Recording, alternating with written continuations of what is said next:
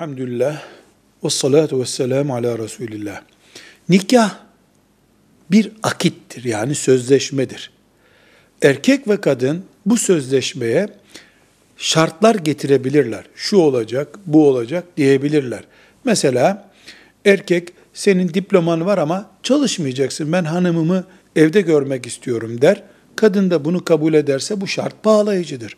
Aynı şekilde kadın ben seninle evleniyorum ama Allah'ın sana verdiği bir kadınla daha evlenme hakkını yani ikinci eş alma hakkını iptal edeceksin.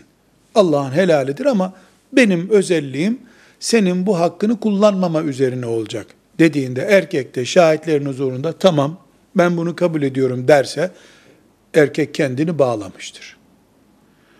İkinci defa evlenmeye kalktığında evlenirse kadının o nikahı feshetme hakkı olur.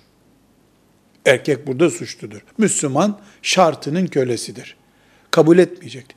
Böyle şeyleri nikahta konuşmak çok da doğru değildir. Çünkü bu yani birini öbürünün bağladığı şeyler aynı zamanda bir güven sarsılmasını beraberinde getirebilir. Buna dikkat etmek lazım.